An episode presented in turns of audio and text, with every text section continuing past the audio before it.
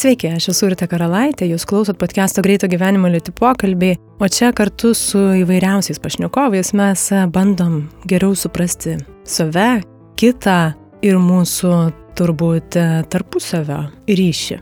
Jei į podcastą užklydot pirmą kartą, tai kviečiu paklausyti ir kitų epizodų, kuriuose kalbuosi su žmonėmis, kurie nebijo kritiškiau pasižiūrėti į savo įvairiausias patirtis, kurie reflektuoja, kurie dalinasi savo mintimis ir man atrodo tas padeda pasižiūrėti į save iš šono, geriau suprasti kitą ir kitokį, tikrai padeda mums judėti pirmin ir aukti.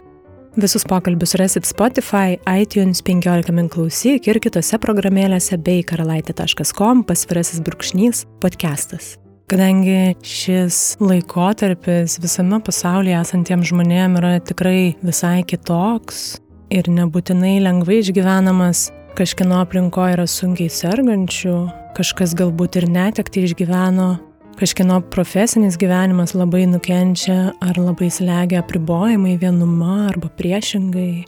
Mes e, kalbėjome su podcast'o draugu Žygimantu Skvarčevskiu ir kažkaip norim pabrėžti tą, kad e, visiškai natūralu, kad šitas laikotarpis yra nelengvas mūsų psichikai pakelti. Baimė, nerimas, nežinomybė ir slogios nuotaikos, daugybė kitų sunkių emocinių išgyvenimų gali aplankyti visiškai pirmą kartą net ir suaugusių žmogų ir tai gazdina, nes tarsi nebeatpažįsti pats savęs.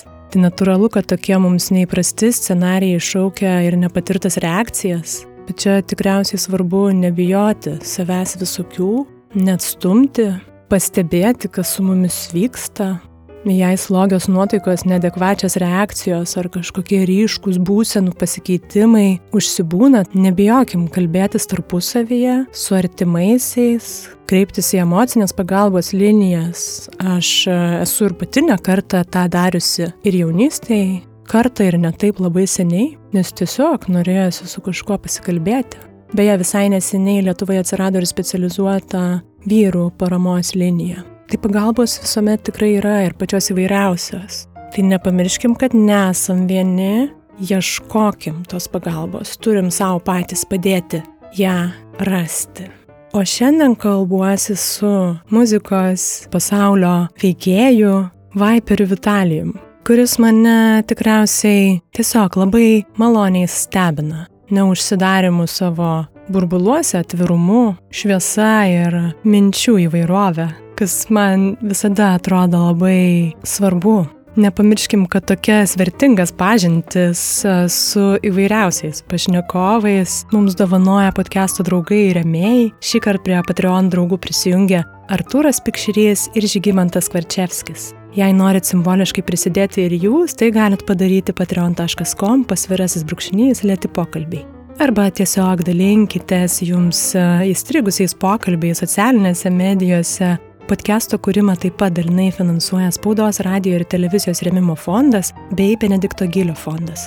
Pokalbis įrašytas Vilniaus universiteto radio stoties Start FM studijoje, kur aš jau jaučiuosi kaip namuose, o radio stoties galite klausyti Vilniuje FM dažniau 94,2 arba startfm.lt podcast'o draugai, portalas 15 minučių, garso reklamos studija Drop Audio. Tai ačiū visiems, kuriuos vis vardinu ir vardinu. Labai smagu, kad tiek daug jūsų prisideda ir podcastas va jau 2,5 metų važiuoja. Labai ramiai, tvirtai, klausytojų ratas didėja, pašnekovų sąrašas ilgėja ir ilgės toliau. Tai čia tikrai visi labai prie to prisidedat, o dabar prailginkim dar tą sąrašą ir susipažinkim su Viperiu Vitalijum. Ar norėtum turėti laidą Marijos radijoje? Ne, ne, manęs niekas nekviečia į Marijos radiją. Net nežinau, ar norėčiau radijo laidą turėti. Tu turėjai. Aš turėjau ir vėl noriu. O kodėl nebe? Kodėl nebeturi?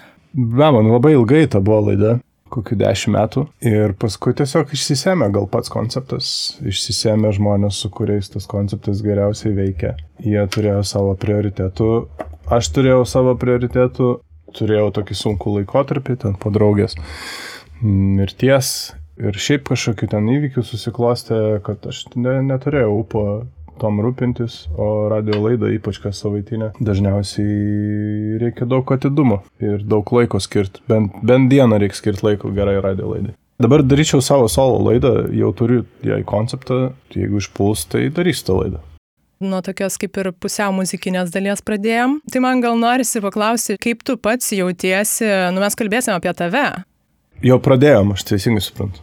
Jo, jo, jo, mes jau kalbam apie tave. Kiek tau patogi tokia pozicija ir vat, tu nelabai dalini interviu, nelabai jau ten daug jų yra. Jo, aš stengiuosi neišsiplėsti per daug interviu dalinimą. E, labiau patinka veikti, daryti dalykus. Darbai turi kalbėti už save. Arba jeigu kažkam kyla klausimų apie darbus ir apie kūrybinę e, išraišką, tai tuomet yra ką papasakoti visą laiką apie asmeninį gyvenimą arba apie save, apie savo pasaulio žiūrą. Nu tikrai retai atvejai, tai šitas atvejis toks. Vat įdomu iš tiesų, ar tau visiškai nesinori, nes man įdomios tavo mintis ir nėra taip, kad tu tik tai fokusuotumai, žinai, į, į muziką, tikrai plačiau pasvarstai apie dalykus, bet va tada įdomu, kiek tau norisi tą laikyti savo tik tai. Iš tiesų, socialinė medija gal privertė susimastyti apie tai, ką žmonėm galiu duoti ir ką galiu papasakoti, kom pasidalinti, kad jie gal rastų tose pamastymuose kažką savo, savo sėkėjų, tarkim, Instagrame paklausiu kars nuo karto, kas jiems yra įdomu. Tai paskutinį kartą tokia apklausa parodė, kad žmonėm įdomu mano nuomonė ir asmeninis kažkoks tai gyvenimas, išgyvenimas 5 procentų žmonių ir 5 procentų žmonių įdomu kūryba ir dar labai daug žmonių parašė, kad ir tas, ir tas žiauriai įdomu. Labai nuo nuotaikos priklauso, ar pats priimu kažkokių tokių žmonių pamastymus ir ką jie mano apie gyvenimą. Būna kartais, kad tiesiog, nu tikrai ta nuomonė nelabai įdomi ir aš dažnai pagalvoju apie save iš tos pusės, ar mano nuomonė kažkam būtų įdomi, žinai. Aš galiu ją diskutuoti su savo draugais, galiu išsiplėsti kažkokiam temam, galiu klysti, galiu nesutikti, diskutuoti, iš to kažką atrasti viešoje erdvėje tuo užsimti, man bent jau susidaro jausmas, kad reikalauja papildomų jėgų, o aš jų dažnai neturiu. Taip be abejo, ir tam ir tam reikia energijos. Čia tik tai įdomu irgi, nu, pavyzdžiui, tie, kurie mėgsta ir tavo kūrybą, ir projektus įvairius, galbūt nori, žinai, ir priartėti prie tavęs kaip asmenybė, žinai, kas tu toks esi. Ja, aš tą puikiai suprantu ir ta būtinybė tikrai yra, Tik tai, nu, žinai, savikritiškas esu ir, ir skeptiškas būtent tam gal būdui perduoti tą informaciją. Tai vad galvoju iš tikrųjų apie būdą, kuris būtų prieinamiausias, nes akivaizdu, kad socialinė medija padaro šitą kelią trumpesnį iki, iki tų ausų ir širdžių ir, ir protų. Kažkaip apie efektyvumą tiesiog galvoju šitų minčių. Jų, aišku, visą laiką susidaro ir čia toks man atrodo, kiekvienam mąstančiam žmogui susidaro minčių apie dabartį ir, ir jais visą laiką norisi pasidalinti. Tai vad e, apie efektyvumą galvojant, dar nesugalvoju, koks būdas būtų efektyviausias. Tai toks dialogo, man atrodo, gal efektyviausias iš visų, ne, kol kas. Man tai įdomu dar tas, kad dialogas, žinai, niekada nebus tas pats, kas monologas. Nu, vad, tu, jeigu atsisėstum vienas ir kalbėtum. Tikrai taip. O apie ką kalbėsi su savim? Nebūtinai tiesiogiai, bet va ir esi minėjęs, kad labai daug minčių, kas pastaruoju metu sukasi, kokios temos gal. Nežinau, pastaruoju metu kažkaip gal atskirties vienišumo klausimas įdomus yra to socialiniu požiūriu ir būtent to informacijos prieinamumo dalyvavimo, prieinamumo, viskos interconnectiono, bet dvasinė atskirtis, nežinau, gal taip įvardinkim kažkokia jaučiasi tarp visų žmonių, bent jau artimo rato žmonių, su kuriais bendrauju. Visi jaučiasi panašiai ir, ir ne visą laiką žino, kokia yra to priežastis. Tai vad galvoju apie priežastį. Nu, kadangi buvo rinkimai ir tipo, visa politika dabar e, lėkštėje visų guli, tai galvoju apie kažkokį teisingumą gal, pasaulinį teisingumą ir balansą, balanso paieškas, jėgos vertus geopolitikoje, taip gal gilinausi pats į tai labiau, bandžiau suprasti. Kūrybinės energijos išraiška ir jos efektyviausias kažkoks tai pavydalas.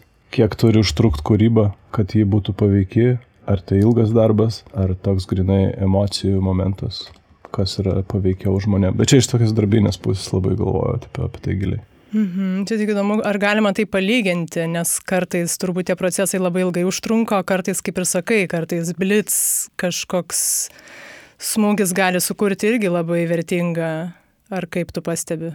Manau, kad apie kombinaciją šitų abiejų dalykų čia kalba eina. Kaip išlaikyti tą pirminę emociją, bet tuo pačiu sukurti galingą formą tam kūriniui. Tame gal yra atsakymas. Bet čia toks per abstraktus, kad iš karto įvykdyti. Jeigu grįžti dar, va, tu paminėjai irgi vienišumo atskirties, čia man gal irgi pastarųjų pusmečio ir gal net daugiau temos, bet aš kaip suprantu, tu ir ne, ne su pandemija tą sieja, ar ne? Pandemija, man atrodo, tiesiog papildomą reikšmę tam suteikia, bet ne, ne, ne vieną apie tai. Gal netgi sakyčiau, pandemija ir tas digital vienišumas jisai gal net visus labiau sujungia, vat, nu, jeigu visi yra linkę, tarkim, kaltinti kažkokias naujas technologijas, dėmesio nelaikymą, informacijos kiekį, tą matomumą, kaltinti dėl to vienišumo, dėl atskirties. Tai aš manau, kad bent jau pandemijos atžvilgių kažkaip visi sugebėjo žengti tokį vieną dar papildomą žingsnį. Ir kol kas nežinau, ar tai labai gerai, ar tai labai, ar blogai. Pažiūrėsim, kas šito gausis. Artumo išreikšti skaitmeniniu būdu. Man atrodo, žmonėm tai pavyko labiau negu prieš tai pavykdavo. Nes taiga kontrastai labai pasimatė. Taip. Kad viskas, kas buvo visiškai natūralu, staiga tapo jau tokiais samoningais žingsniais. Kiekvienas dedame pastangas dėl to, kad e, būt kuo labiau atvirais. Man atrodo, kažkoks emocinis fonas yra bendras. Ir ko paklausė, visi sako, taigi, žinai, visi taip galvoja. Tai galvoju, nu, akurat gal visi apie tai galvoja, bet per mažai yra analitinės informacijos apie tai. Nežinau, arba yra ir jis ne, kažkaip nepasiekė ranką. Man labai pasijuto, kad visgi, na, kad ir toks bendravimas, aš tikrai dėčiau visas pastangas, kad mes susitiktume ir, ir kalbėtumėmės, nors Taip. atrodo, ar ne, va, technologijos viską čia mes girdim vienas kitą, bet tai nėra tas pats. Matyt, čia kažkokia barjero peržengimo klausimas. Sąsaja, per kurią mes susisiekėm, greičiausiai turi irgi prasme. Bet viskas galų galegi vis tiek, žinai, kaip pajauti. Mes tavim gal nesam gimę internete, tai nesuprantam. Internetas gimė į mus. Tikrai taip. Tai greičiausiai taip, jo, jo, internetas gimė į mus, tai mums dar suprantama šitas gyvas susitikimas. Bet e, nemažiau, nemažiau gal sunku ir tiem vaikam, kurie gimė internete. Svarbus klausimas, man atrodo, kas yra bendruomenė šiais laikais. Interneto pradžioje visi tikėjo, kad bendruomenė žiauriai lengvai susikurs internete, dėl to, kad viskas yra atvira, dėl to, kad nepriklausoma, bet, nu, tarsi, tai viskas yra iliuzija, mes tą suprantam. Tai dėl to mes turim rasti būdų tą bendruomenę statyti. Man atrodo, kad bendruomenė šiais laikais, nu, jinai, tipo, neturi ašies kažkokios aiškios kol kas, ant ko jinai yra statoma, nes yra tiek daug skirtingų nuomonių Aš e, turiu, pavyzdžiui, muzikinę grupę ir mūsų grupėje visų nuomonės dažniausiai išsiskiria. Kardinaliai, na kartais labai kardinaliai. Ir mes turime ar šias diskusijas dėl kažkokio tai klausimo, ar tai muzikinio, ar politinio, ar gyvenimo. Ir kažkurio metu sueinam ant kažkokio taško. Tai man atrodo, bendruomenė yra tada, kai tą tašką moki surasti ir, ir vis sunkiau surasti bendrą tašką, kai visi esam pratę individualizuoti viską ir perkam viskas, kas yra individualu ir poreikis yra mūsų toksai individualizuotis, bet iš tikrųjų, nu jo, tai iliuzija, manau. Kuo anksčiau tai savo supranti, tuo anksčiau rasi greičiausiai kaip uh, išeiti iš tos situacijos. Laisvės, absoliučios laisvės nebuvimo, žinai. Mums diktuoja turbūt taip, tavo, ką sakai, taip. tą individualizmą tam tikrą, tai tikrai skatina apie tą bendruomenę. Tai vad ir įdomu, žinai, tavęs paklausti, tai kas tau tada yra bendruomenė. Labai įdomu ta, kad nu, tai kažkokio bendro taško ar ne, nes nebūtinai tie žmonės visiškai sutampa ir nuomonės jų lygiavertės ir vienodos, ar ne, bet e, nebūtinai turbūt mes turim visi vienoj bendruomeniai būti, žinai, galbūt tų bendruomenių yra daug. Įdomu tada, kaip tos bendruomenės tarpusavėje galės bendrauti. Neradau iš tiesų lietuviško atitikmens sense of belonging. Įdomu, žinai, kiek mums to reikia ir kur tu jauti va tą sense of belonging kažkam vienam yra ten, nežinau, pas močiutę ant krosnės, kur yra ten tavo artimiausi žmonės. Man atrodo, kad žmogui labai va tas svarbu, žinai, nesvarbu, ar tai yra tavo bendas, ar tai yra tavo darbovietė, ar tai yra tavo šeima, kur tu tikrai jauti, kad va čia tu priklausai šitam vienetui, mhm. šitam ratui. kur tu jauti, kad yra tas tavo taškas, kur tu jautiesi saugus ir vat, ta bendruomenė? Nu, visų pirma, tai jaučiuosi Lietuvoje kol kas geriausiai, iš to jau tokio, tokio labai bendrinio taško. Nu, gal pradėsiu atsakymą nuo to, kad kai nebejutau poreikio priklausyti, išbandžiau išvažiuoti į Berliną gyventi ir surasti kažkokių naujų sąlyčio taškų su savim, su galimybėmis savo. Pamečiau gal tą magnetizmą lietuviškos scenos kūrimo. Iš naujo jį atradau išvažiavęs tik tai. Ir ten iš tikrųjų ir supratau, kad geriausiai jaučiuosi visgi čia grįžęs ir ne aš vienas tai supratau greičiausiai. Ir pradėjau galvoti apie sense of belonging ir sense of belonging netgi vidumi, nes aš savo pačio kažkokia identity, kas nėra individualus, labiau bendrinis toksai priklausimas kažko didesnio dalį, ne. Ten greičiausiai jaučiuosi labiau kaip namie, kažkokioj terpiai, muzikiniai konkrečiau, arba kūrybos terpiai, kuri yra e, Lietuvoje, kuri gali ieškoti e, autentiškumo savyje ir, ir stengtis tai padaryti aukštam kūrybiniam lygmenį. Ta terpė man yra sense of belonging. O kas ten buvo kitaip? Nu tai be abejo, tu atvažiuoji, tu, nežinau, galbūt kažką ir pažįsti, bet nu realiai, nu taip, tu ten niekaip nesi prisilietęs, žinai, per daug, tų taškų nėra, tai va įdomu, ką tu ten tada supratai, ko ten trūko kodėl ten nebuvo, žinai, va kažkokių tai ir kuriejų, ten vis tiek susipažįsti ir, ir atsiranda bendruomenės, bet kodėl to vat, saugumo, savumo jausmo nebuvo.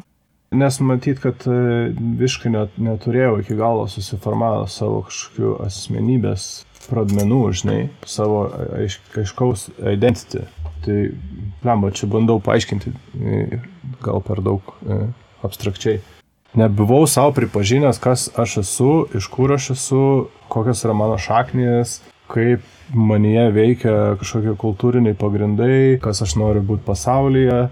Panašių dalykų nebuvau susidėliojęs ir greičiausiai to labiausiai išsigandau ir tai mane pastumėjo suvokti visus tos dalykus tik išvažiavus, o ne būnant čia, save globaliam kažkokiam kontekste, suprantate. Ir apie šaknis ir tą prieimimą savo slaviškų šaknų, tu irgi kalbė, ar ne? Tai čia ir buvo tas? Slaviškų, tuo pačiu buvimu iš Lietuvos, iš kažkokio tipo tarsi trečio pasaulio šalies su praeitim kažkokia skausminga, tokia neaišku miksą, žinai, dalykų. Ir ten vis tiek augimo jau laisvoje Lietuvoje, kur kažkokias naujas savybės įgyji, visos tos kolektyvinės traumas. Man buvo tuo metu neprieinami viduje, žinai, aš tipo apie juos tiesiog nesusimastydavau, iki kol nenuvažiavau.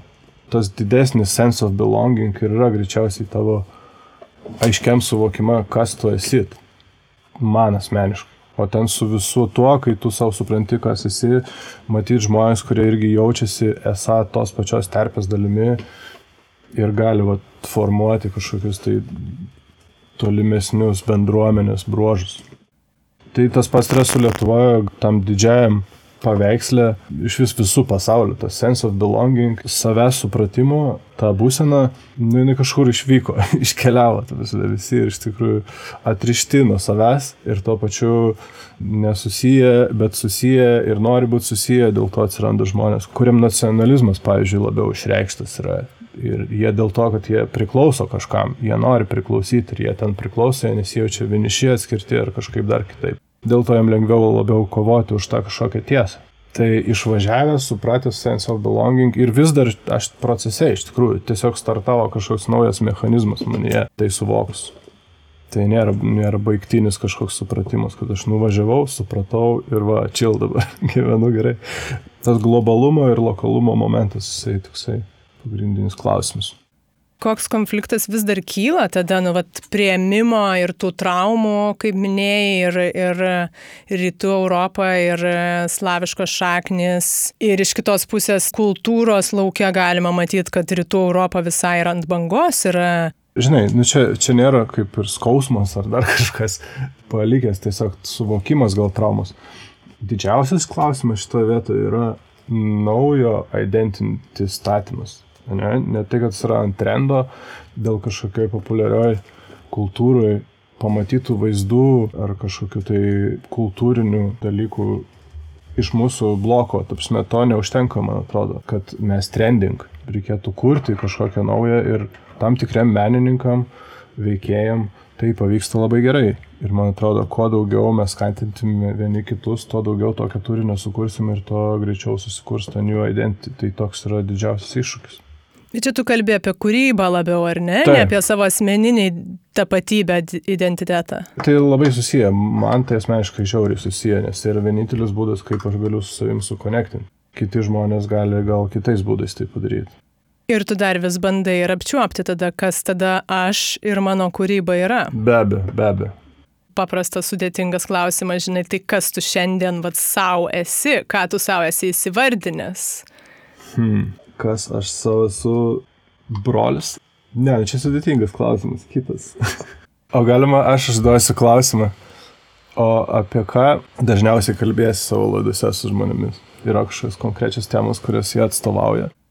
Tai žmogus yra platus skėtis ir tada skaidom individualiai, ką kiekvienas žmogus gali atsinešti per savo patirtis ir kur mes ten galim pasižiūrėti įdomu tiesiog kokia publika klausosi ir koks jų yra portretas. Taip, bet labai įvairi labai ir tas man irgi patinka, nes e, jeigu rinktųsi labai vienodą publiką ir tikėtųsi labai vienodų klausytojų, tai tada viskas labai štampuota ir nuspėjama būtų šiuo atveju man tas ir įdomu, kad, kad galima truputį atsipalaiduoti. Ir čia iš tiesų mes prieinam prie kitos dalies, kuri man pačiai labai svarbi, tai ir socialiniai burbulai, ir, ir toks skirstimas tam tikras.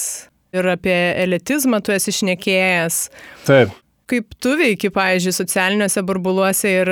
Aš tai stengiuosi jų vengti, man tai netrodo bendromeniška. Bet ką reiškia vengti, žinai, kaip įmanoma to vengti, jeigu... Nu, kritiškai, kritiškai vertinti savo socialinį burbulą, nes akivaizdu, kad kažkokiam vis tiek priklausai. Arba dviem. O kas yra už, o kiek tu prisilieti su tuo, kas yra už? Už. Ir kodėl tau svarbu? Už tavo socialinių burbulų.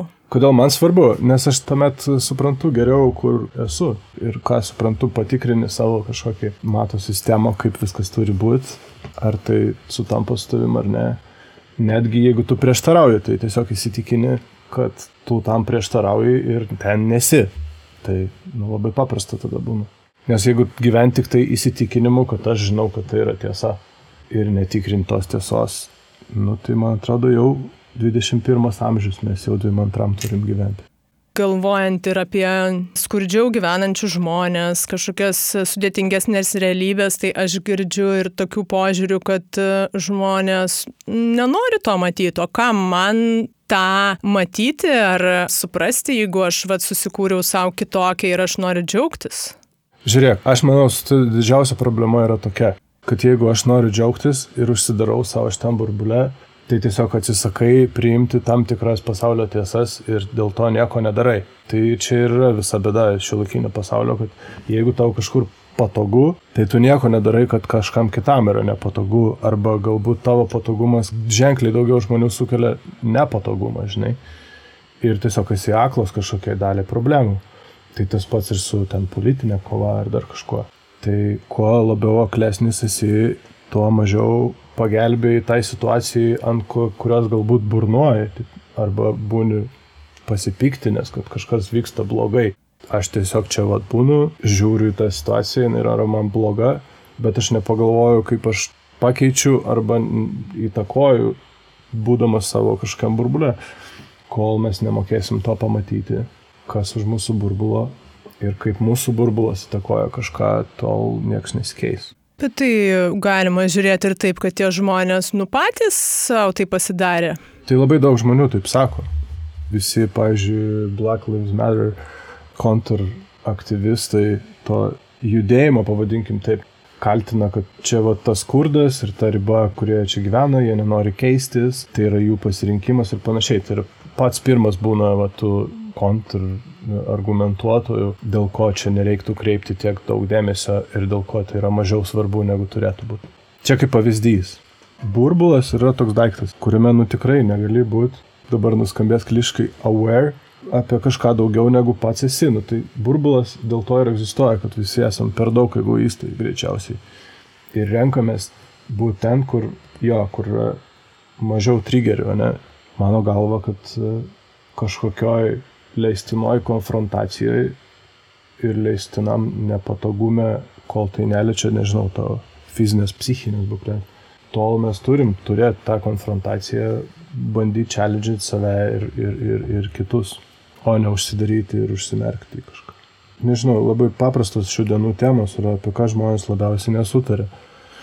Žmonės nesutarė, kokios turi būti moralinės normos, žmonės nesutarė, kokia yra politinė kryptis jų, žmonės nesutarė, kas atsakytų už jų turi gyvenimus, ar valstybė, ar jie patys.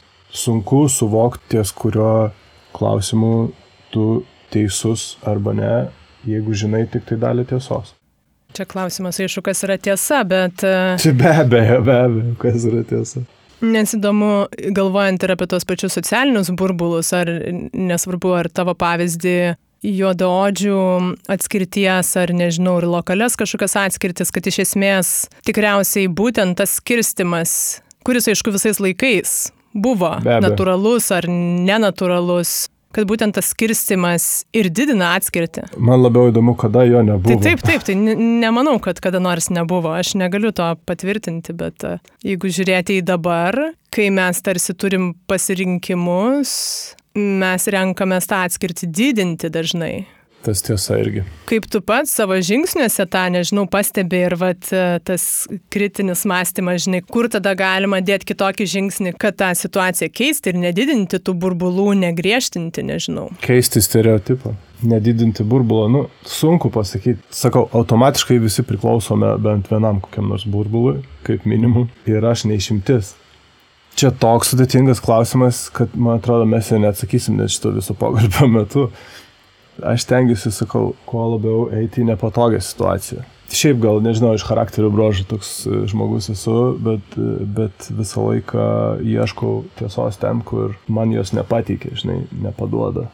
Kartais čia žmonės, žinai, vardina tai overthinkinimu, problemų gilinimu, nu kaip tik apsunkinimu situacijos ir panašiai. Gal tam tikrais atvejais jie yra teisūs, bet tiesiog man šitos sąlygos leidžia progresuoti ir dėl to stengiuosi netitikti kažkokio stereotipo, kuris apie mane buvo sudarytas vakar. O kas tau yra nepatogios e, situacijos pastaruoju metu? Nu, nežinau, šiaip įdomu ir pavyzdžių, kur tu pajauti, kad jau čia tau iššūkis.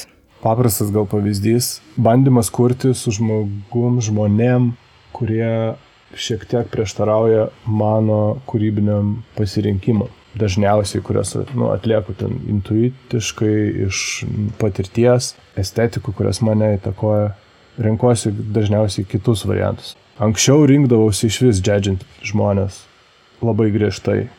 Ir ten, jeigu man kažkas nepatinka kūrybiškai, aš tai iškart pasakau. Ir jeigu nepatinka, tai nepakeliui viskas. Taip. Arba, nu, ta prasme, ne, ne tai, kad nepakeliui, bet tu tikrai kažko nesukursi kartu ir tiesiog jūs žinosite apie vienas kito egzistavimą ir, ir tiek žinių.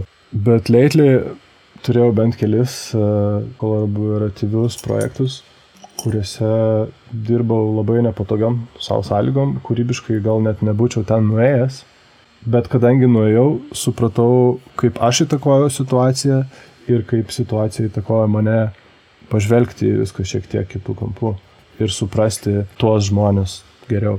Netgi jiem, nežinau, kažkuria prasme, jeigu egzistuotų kažkoks uh, matas, matavimo sistema, nepritarimo arba pritarimo idėjai, 7 procentų nepritarimo perina į 60 pritarimo. Čia labai dabar e, toksai blankus pavyzdys, bet maždaug.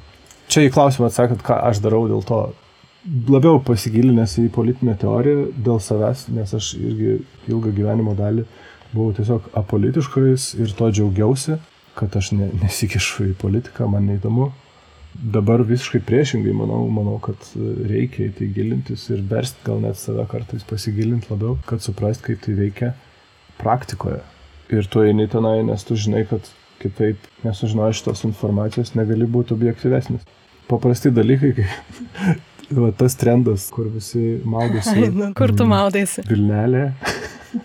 Aš nesimaudau, e, rudenį nesu maudęsis. Kol kas gal prisijungsiu, žinai, vieną dieną. Šiaip man irgi labai įdomu ir dar mes su draugė čia neseniai kalbėjom ir jinai kažkaip manęs klausė, nu va, ką tu manai. Aš tai nebijau to, to šalčio iššūkio, bet dabar galvoju, nu pala, bet man fainai yra mano komfortas, aš visai nenoriu į tą šaltą vandenį. Panašiai, tai va čia kiek sugebam tą komfortą keisti. Man atrodo, kad nuo to momento, kur suprantam, kad savo komforto nekeitėm jau tris metus, jeigu padarom bent vieną žingsnį išeiti iš komforto, jau šis tas gero įvyks, žinai. Tik tai klausimas, žinai, ar būtent tas šaltas vanduo yra tas, tas didžiausias diskomfortas. Ne, ne, tai šaltas vanduo, aš jau neberadau, ką apie save papasakoti, tai, tai kaip pavyzdį tiesiog pateikiau. Nu, žodžiu, tai čia apie tą nepatogumą. Amžina kova. Nepatogumas šitą prideda prie gyvenimo esmės pagerinimo. Tu dabar čia taip e, pasukai ir aš tada priartėsiu prie švietimo. Tu patikslink, tu mokėsi edukologiją, taip. matematiką ar ne? Ir, ir, ir skaitmeninės technologijos. Šiaip tai va šitą sužinojus, čia mano slapta svajonė, kurią aš dabar iškomunikuosiu, aš labai norėčiau tave švietime matyti.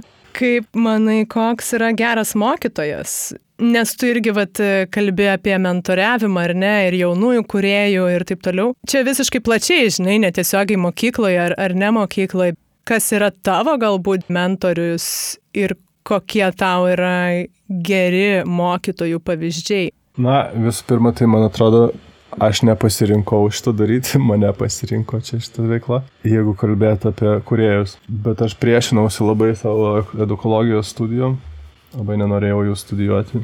Nemažai pliusų liko, minusų irgi nebuvo mažai.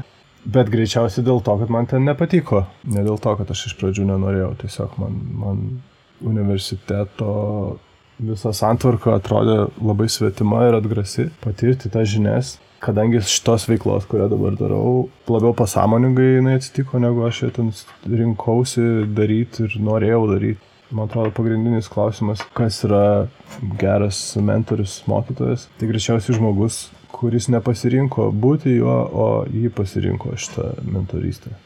Kuris tikrai negali to nedaryti, galim taip paprastai pasakyti. O mano gyvenime, nu, jų buvo įvairiais laikotarpiais įvairių. Bet žmogaus buvimas labai svarbu. Tikrai labai svarbu, kuris gali tau atliepti jausminį ypač veiklos potyrį. Čia irgi įdomu, kiek mentorius tave turi už rankos vesti, kiek turi, žinai, truputį prilaikyti, bet truputį paleisti. Nu, pajaust reikia, su kiekvienu žmogum skirtingai. O tau dabar mentoriaus, ar jauti, kad kartais e, norisi, kad kažkas tave truputį vestų kartais? Be abejo. O tau nesinori? Aš e, gal taip sakyčiau, kad turėčiau tokį tikslą, kad nereikėtų to, kad galėčiau pati save vesti ir būti mentorė savo. Nu, man taip irgi gaunasi. Kažkaip taip natūraliai gaunasi, bet žinai, kartais būna momentų, kur nenori savęs ten mentorinti per daug, nei galvoti apie tai, ką čia tau dabar reikia sužinoti. Dėl to, kad pasiekti tą ir kitą tikslą, išklausytojas yra tavo mentorius. Kas gali tave išklausyti, tas yra tavo pirmas mentorius tave pajausti. Kodėl tai svarbu? Nu, pats su savim tai ne, nebūni objektivus, tiesiog nebūni objektivus, kai tau žmogus gali pasakyti, apie ką tu galvoji, žinai, e, giliai, bet nepripažįsti savo. Nu, kažką, nu tokį, va, kažkas vyksta ne taip, bet tu vis tiek darai, bet ne, nekeiti krypties. Bet tau užduoda klausimą ir tu greičiausiai sudvėjodamas supranti, kad visgi giliai, tipo, tau reikėjo kažko, kad paklaustų dar kartą to paties, ko savęs gal klausi. O kartais neklausi savęs ir, ir tavęs paklausi ir supranti, kad tikrai esi neteisus. Tai nežinau. Čia tas pamatymas iš šono ir, Taip. ir kito žmogaus įsikišimas. Labai dažnai, ką renkamės, tipo, tas vieną žmogų atstovauju kažkokią tai publiką žmonių, kuris tu nepažįsti, tu įdedi į viešam teismui, visi viešai nusprendžia, kad, nu, čia šūdas, arba, o, čia žiauriai gerai. Ir tada jau pats dilini, kai turi mentorių arba žmogų, kuris išklauso Ir tie žmonės gali šiaip vis skirtingais etapais būti labai skirtingi. Gali būti tavo jaunesni draugai, gali būti tavo kolegos, gali būti tavo būsi auklėtoja. Kažkas, žinai, iš ko tu tą mentorystę priimt moki. Tai aš kartais noriu, kad man kas nors pasakytų, kur aš esu neteisus. Ir mokėtų tai pasakyti. Arba ir kur esi teisus, čia irgi įdomu, pavyzdžiui, prieiti prie, prie aplinkos be abejo, vertinimo. Be abejo, be abejo, Nes, pavyzdžiui, čia tiek apie kūrybą galima, aišku, kalbėti tiek ir plačiau kiek tau svarbu yra patvirtinimas kažkokio tai rezultato? Manau, kad apie, apie kūrybą svarbiau yra negu apie mano kažkokią nuomonę arba mano įsitikinimus. Apie kūrybą tiesiog yra jautriau, nežinai, nes kūryba dažniausiai gimsta iš labai daug laiko praleidimo su savim ir net tokia kažkokia intimi sakrali pasidaro, kad tai nėra tiesiog nuomonė. Tai dėl to biškai jautriau, bet viskas yra išmokstama, žinai, priimti atitinkamai. Dėl to, kurie žiauriai šiaip dažnai susipyksta vieni su kitais.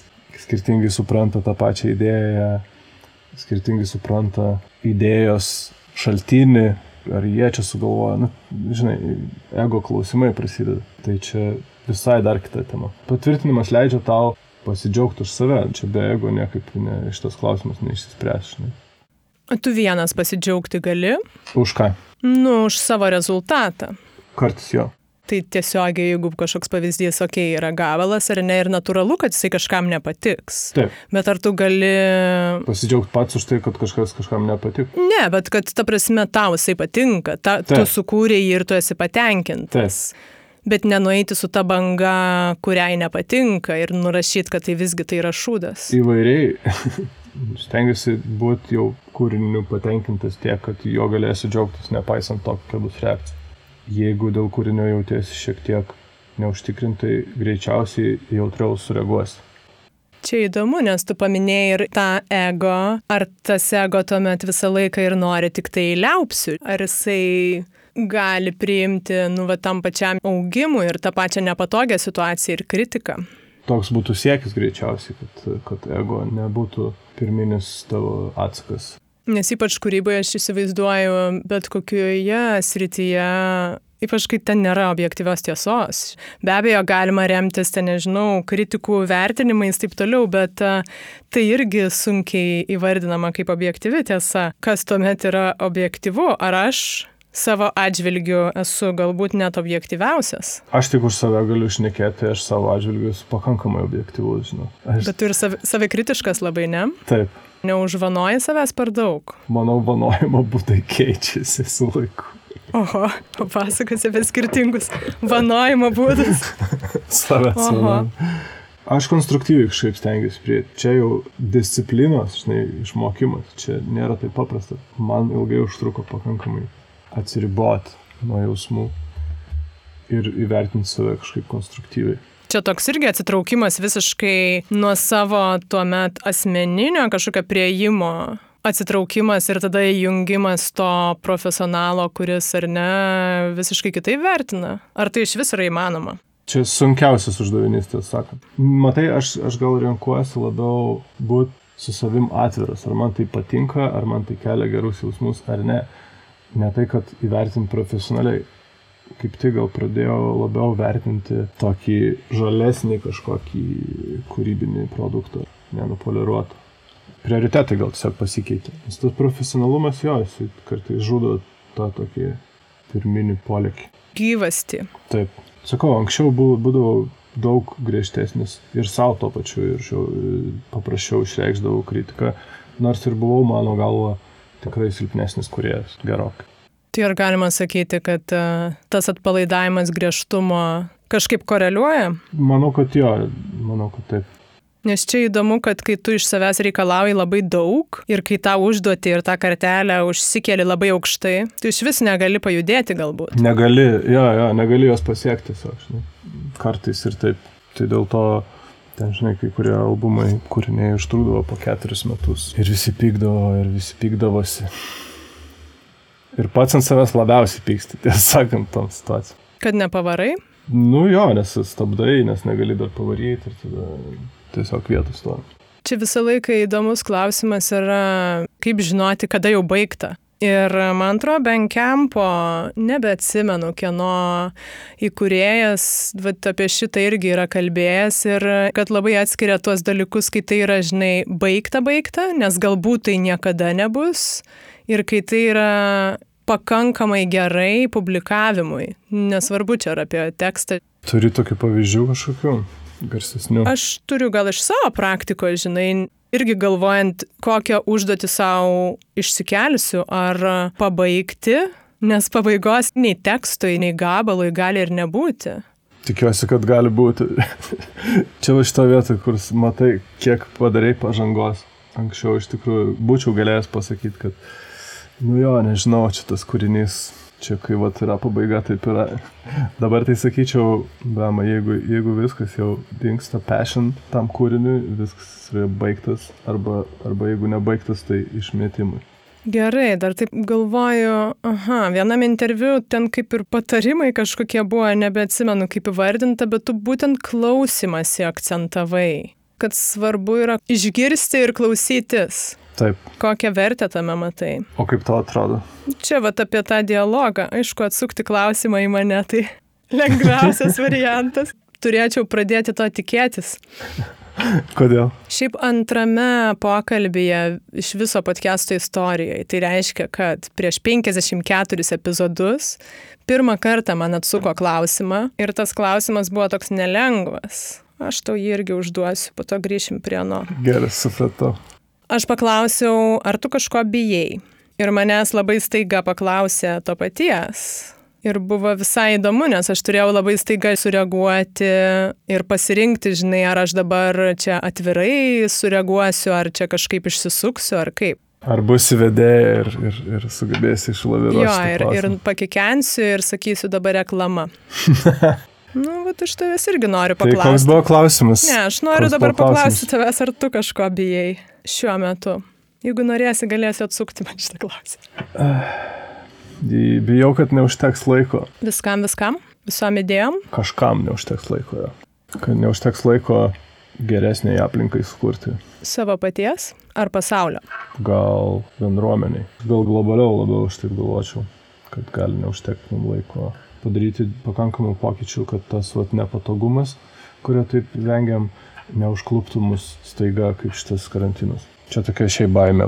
Bet ją labai sunku sukoordinuoti, nu turiuomenį sunku eliminuoti, nes greičiausiai ir neužteks mums laiko.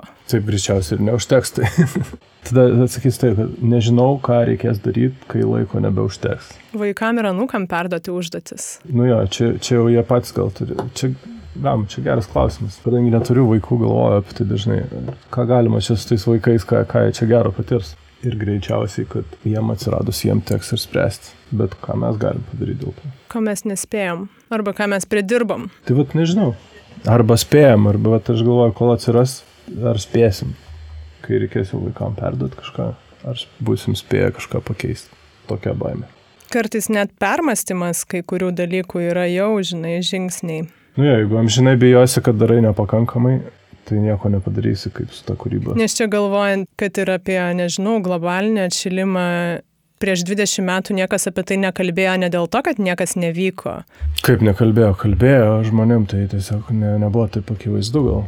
Tai irgi dalis to, nu tikrai aš aišku sutiršinu, kad niekas nekalbėjo, bet turiu omeny, kad tai yra irgi dalis pokyčio, žinai, kai vis daugiau žmonių įsitraukia, vis daugiau žmonių kalba, vis daugiau žmonių kelia tos klausimus kad tai yra procesas, kad nėra taip, žinai, kad vieną dieną atsikėlėm, visi sutarėm, kad dabar reikia kažką keisti.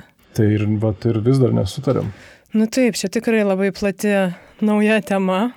Gerai, apie klausimąsi dar grįžtam trumpam. Kur tu atsukai man? Taip. Ar tu nori atsukti man? Tai koks buvo klausimas? Kokią tu vertę klausimosi išgirdimo matai? Kad reikia mokėti klausytis. Ne tik klausytis, bet ir girdėti apie šitą, ne? Turbūt taip. Kuo tau vertinga tada tas išgirdimas, žinai, arba kuo skiriasi šitie? Nu, kom skiriasi, tai gal ne. Nešvaistykim laiko. Nešvaistykim laiko. Klausytis yra menas, nes turi mokėti išgirsti. Jeigu nemoki klausytis, tai ir neišgirsi. O tu moki? Stengiasi mokėti. Ne visada pavyksta be abejo. Žinai, kada sunkiausiai sekasi išgirsti, kai esu pažeidžiamas ir žmogaus gal net su gerom netgi intencijom pasakyti žodžiai e, būna sutikti su tokiu pasipriešinimu. Tavo pasipriešinimu? Jo, jo, pasipriešinimu ir gynyba automatinė ir taip toliau. Tai sunkiausia girdėti, kai esi pažeidžiamas, paveiktas. Nu taip, pažeidžiami mes turbūt šiaip ar taip esam visą laiką, tik čia turbūt tu ir turėjome nei kažkokius laikotarpius, kai jautriau yra. Taip, taip, be abejo kai jau sužeistas jautiesi, nežinau, tai kad tiesiog būni pažeidžiamas. Kai prašiau apie save jautiesi, pradedi priimti bet kokią paprastą informaciją skaudžiau ir tada ne, negirdi ir nemoki išgirsti per savo sužeistą ego. Saugumo pagrindas. Saugumo, turbūt. saugimo Mm. pagrindo neturime. Tai vad matyti tą savo saugumą kažkaip reikia mokėti vertinti iš naujo, kur yra saugumas. Kas kuria tau saugumą? Tai jau labiausiai tas e, pagarsėjęs priklausimo jausmas. Sense of belonging. Taip, Reikia mums surasti tinkamą terminą šitam lietuviškai. O dabar tu jautiesi saugus? didžiąją dalį laiko jo. Tai ačiū, Viperi, O Vitalijai. buvo dar kažkas klausimas, kurį tu neuždavai. Kokį paprasčiausią arba sudėtingiausią, kur galėčiau tavęs paklausti. Nežinau, čia tikrai nepaprastas, bet e, apie paskirtį gyvenime. Kokia tavo paskirtis? Kaip tu tą įsivardinęs esi? O kokia tavo paskirtis? A. Aš tai žinau ir va, gal aš tave įkvėpsiu. Mano tai yra edukuoti, šviesti. Mm. Tai jau tada aš ieškau visokiausių būdų ir turbūt visą gyvenimą visai ir, ir ieškojau, tik dabar atradau tokį, o anksčiau buvo tiesiogiai mokyklose su vaikais, su neįgaliaisiais ir taip toliau, taip toliau. Tai va, dabar tavo eilė.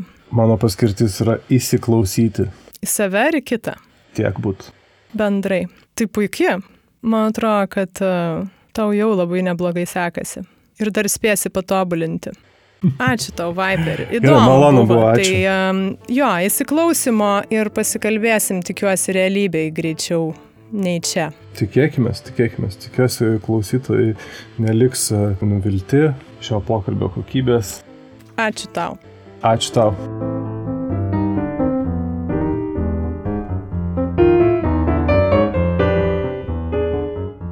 Ačiū, kad klausėtės. Tikriausiai pastebėjot ir mūsų įrašų garso skirtumus įrašinėjame pokalbį nuotoliniu būdu, kas man visą laiką šiek tiek kelia apmaudą, bet dabar tokia situacija ir turime prisitaikyti. Man atrodo, šitam pokalbį užkabinom labai daug taškų ir atrodo, kiekvieną jų būtų galima plėsti ir plėsti. Pabaigoje jautėsi, kad ir pašnekovas net nelabai norėjo nutraukti ir baigti pokalbį, nors mano laikas studijoje jau baiginėjosi ir čia galėtų būti vienas iš vertingų pokalbių kriterijų, kai jauti, kad jisai dar tikrai nesibaigė, dar ne viskas apkalbėta Tai tie pokalbiai tikrai prasitęs, prasitęs temos kituose epizoduose su kitais pašnekovais, kada nors vėl susitiksime su Viperiu ir pratęsime visai kitaip, gal atsakysim tuos pačius klausimus. Nepraleiskit naujų epizodų, tą paprasčiausia padaryti sekant podcastą Instagram ir Facebook paskyrose arba prenumeruokit podcastą audio platformose. Priminsiu, kad podcast'o kūrimą dalinai finansuoja Spaudos, radio ir televizijos rėmimo fondas, Benedikto Gylio fondas ir daugybė jūsų. Viperio paminėtas noras ar tai tikslas įsiklausyti, man atrodo tikrai labai vietoje ir labai taiklus. Ir to niekada nėra per daug. Tai priminkim savo apie tai, įsiklausykim į save, į kitus, aplinką, pasaulį, gamtą. Iš tiesų tai viskas yra verta tos mūsų pastangos ir dėmesio. Su jumis podcastas Greito gyvenimo lėti pokalbiai ir aš Urte Karalaitė. Iki kitų kartų.